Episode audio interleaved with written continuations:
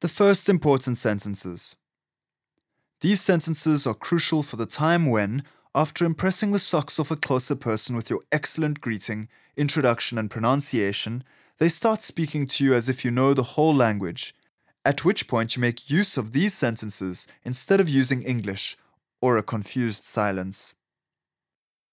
Excuse me, but uxolo kodwa I'm still learning. Ndisafunda to speak. Ukuthetha Xhosa isixhosa. So the whole sentence.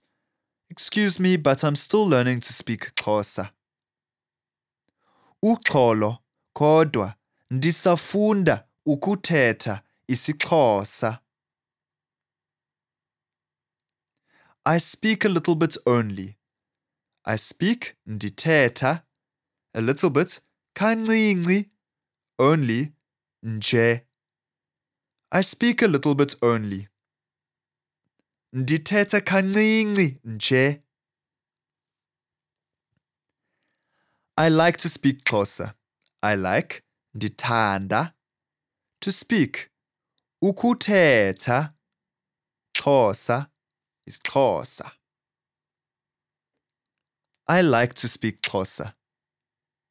Ndithanda ukuthetha isiXhosa. It is nice. Kumnandi.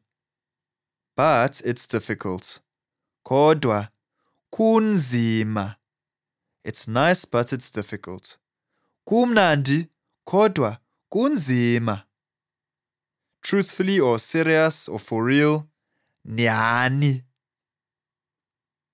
I request to speak English. Ndicela ukuthetha isiNgesi. Or Afrikaans now.